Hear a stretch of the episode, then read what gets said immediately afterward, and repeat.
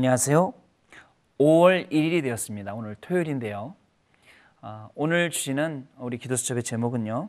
한 장소에 한 팀만 있어도라는 어, 제목입니다.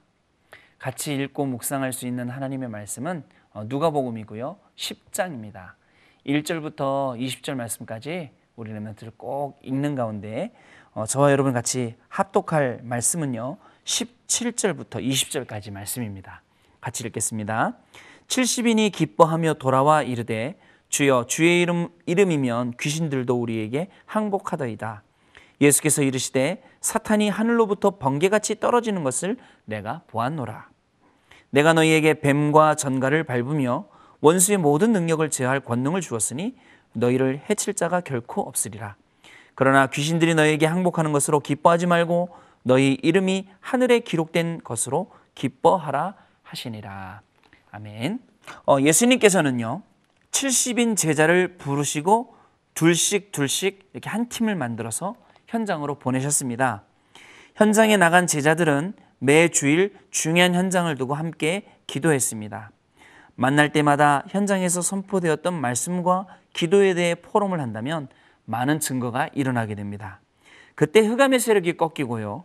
그리고 성령의 역사가 일어나 교회와 현장, 경제 부흥이 어, 일어나게 되는 것입니다.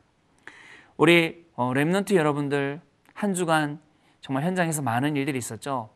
또 학교에서 또 우리 중직자들은 산업 현장에서 삶의 현장 가운데 많은 일들이 있었을 것입니다. 주일날 하나님께서 강단을 통해서 어떤 말씀을 주셨는지 조용히 묵상해 보고 또 하나님께서 한 주간 동안 어떤 응답들을 주셨는지 가만히 한번 체크해 보시기 바랍니다. 그러면 아, 하나님께서 나를 이렇게 정말 세밀하게 인도하고 계시구나. 정말 하나님께서는 완벽하게 내 인생을 이렇게 인도하시고 계시구나. 라는 것들이 분명히 발견하게, 어, 발견되어지게 될 것입니다. 이러한 중요한 응답 속에서 오늘 하루를 마무리하고 또 오늘 하루를 시작하는 아, 그러한 시간이 되었으면 합니다. 첫 번째로 한 장소를 정하고 한 팀이 모였다면 모여서 무엇을 해야 할까요? 한 장소에서 기도하는 한 팀만 있어도 분명히 역사가 일어나게 됩니다. 만약에 여러분 학교 현장에 기도하는 한 팀이 있다. 또 우리 직장 현장에 한 팀이 있다. 또 정말 우리 가문에 한 팀이 있다.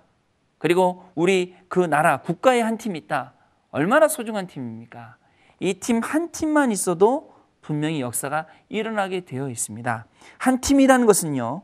한 가지 말씀을 붙잡고 묵상하며 기도하는 팀을 말하는 것입니다. 이렇게 말씀 붙잡고 기도하며 묵상하다 보면 정말 눈만 봐도 다 통하고 정말 딱 만나기만 해도 말 안 해도 너무나도 가슴이 통하고 기도의 제목이 통하는 아, 그러한 팀들을 말하는 것이겠죠. 이 팀은 모일 때마다 모든 사람, 모든 사건, 모든 일을 복음으로 해석해야 합니다. 복음으로 해석이 안 되면 모일 때마다 남의 말, 또 쓸데없는 불평하는 말, 원망하는 말, 낙심하는 말, 남 시험 들게 하는 말, 남 힘 빠지는 말, 이런 말들을 하게 되지 않습니까? 그런데 그렇지 않습니다. 모든 일, 일어났던 모든 사건, 나에게 내가 손해봤던 일, 내가 어려움 당했던 일이더라도 그런 일들, 또 사람들, 나에게 잘해줬던 사람, 못해줬던 사람, 모든 사람을 다 가지고 복음으로 그것을 재해석할 수 있어야 됩니다. 그러면 아, 분명히 그럴 수밖에 없는 이유가 있고, 그리고 아, 하나님께서 이것을 허락하신 이유가 무엇인지 알게 되는 것입니다. 그러면 지나면서 아, 정말 나는 감사하다. 정말 나는 하나님께로부터 너무나도 많은 은혜를 입었구나. 아, 정말 나는 복음을 위해서 내 인생 살아야겠다. 지금부터는 남 원망할 게 아니고 남 욕할 게 아니라 남의 말 할 게 아니라 정말 하나님께 최고로 욕망 돌리는 그런 사람이 되고 또 정말 그들을 위해서 가슴에 딱 품고 기도하는 사람이 되야겠다. 이렇게 변화되게 되는 것입니다. 오늘 그런 중요한 시간이 분명히 되기를 바랍니다. 자, 그 사람들이 모여서 오늘의 전도와 오늘의 말씀, 오늘의 기도를 함께 나누며 깊이 묵상하면 굉장한 증거를 보게 될 것입니다. 다른 갈 시간이 없습니다. 그렇습니다. 하나님께 정말 우리가 그 포럼을 통해서 중요한 기도의 제목도 발견하고, 야, 하나님께 영광, 영광 돌리기도 바쁜데 그 시간을 어떻게 다른 걸 할 수 있겠습니까? 그렇습니다. 오늘이 우리 팀이 모여서 오늘의 전도와 말씀과 기도를 찾는 이 일이 정말 너무나도 귀한 일임을 알게 되고 정말 이렇게 찾아내면서 많은 축복받고 응답받는 그러나 우리 랩런트들 되시길 바랍니다. 이것이 바로 지역 복음화와 세계 복음화의 가장 실제적인 이름을 아시고 오늘도 그 속에서 최고로 오늘을 누리시는 여러분들 되시길 바랍니다. 두 번째입니다. 만남의 축복이 옵니다. 오늘의 전도, 오늘의 말씀, 오늘의 기도를 누리고 있으면 뭐가 오냐? 하나님의 시간표가 옵니다. 그 시간표에 따라서 만남의 축복이라는 것이 오게 되어 있습니다. 베드로가 누구를 만났냐면요. 40년 동안 안진뱅이 된 사람을 만나게 됐고 나사렛 예수 그리스도의 이름을 줘서 그 사람을 살리게 되는 것입니다. 이 만남은 성경 역사와 교회의 사 속에서 매우 중요한 사건입니다. 여기에서 나온 베드로의 나온 베드로의 고백이 바로 사도행전 4장 12절 천하 인간의 구원을 얻을 만한 다른 이름을 우리에게 주신 일이 없음이니라. 바로 이 고백인 것입니다. 또한 바울과 함께 전도팀으로 구성된 전도자들이 현장을 순회할 때에 로마 로마 복음화와 그리고 세계 선교의 문을 활짝 예, 열었던 것을 우리는 알 수가 있습니다. 이때 바울은 로마서 16장에 나오는 인물들과 전도팀이 되어서 세계를 복음화할 수 있었습니다. 오늘 여러분들이 오늘의 전도와 기도와 말씀 계속 찾아내고 있으면 하나님께서 만남의 축복을 주시고 그 만남은 어떻게 연결될 만남일지 우리가 전혀 알 수가 없습니다. 그래서 그 만남을 기도해 보면서 하나님 정말 오늘 정말 최고로 하나님께 쓰임 받을 수 있는 만남 그리고 그 만남을 통해서 전 세계 모든 문을 열 수 있는 만남 이런 만남을 달라고 기도하면요 정말 놀라운 응답들이 저와 여러분에게 정말 많은 증거들로 다가올 줄로 믿습니다. 세 번째 모든 것은 하나님의 절대 주권 속에 있습니다. 우리가 세계복음화하는 것은 하나님의 절대적인 주권입니다. 때문에 아무것도 의심할 필요가 전혀 없습니다.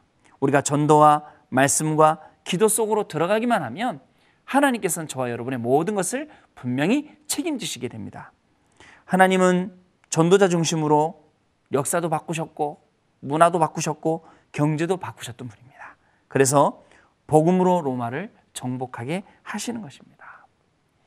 정말 저와 여러분의 모든 것이 하나님의 절대적인 주권 속에 그리고 세계복음화라는 이 약속이 정말 하나님의 절대적인 주권 속에 있다는 것이 믿어지십니까?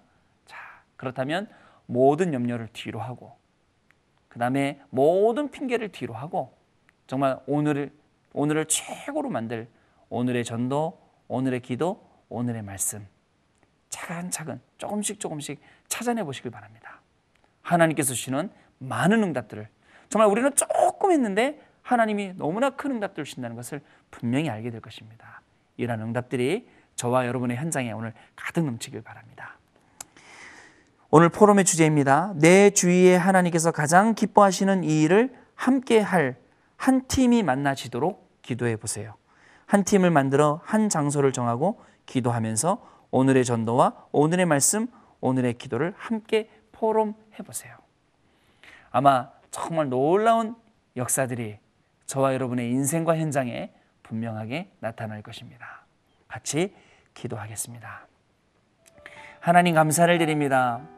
정말 예전에는 어떻게 라는 질문이 너무나도 많이 있었는데 하나님께서 우리에게 주시는 은혜가 너무나도 커서 오늘의 전도, 오늘의 기도, 오늘의 말씀을 찾게 하시며 그 속에서 하나님이 우리에게 임이신 모든 축복들을 정말 누릴 수 있도록 하시니 정말 감사를 드립니다.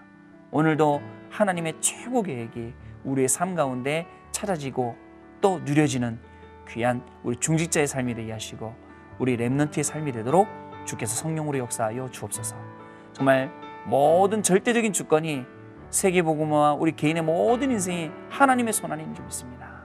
정말 이것을 제대로 발견하고 누리면서 정말 오늘도 하나님께 최고로 영광 돌리는 우리의 삶이 되도록 주님께서 은혜를 더하여 주옵소서.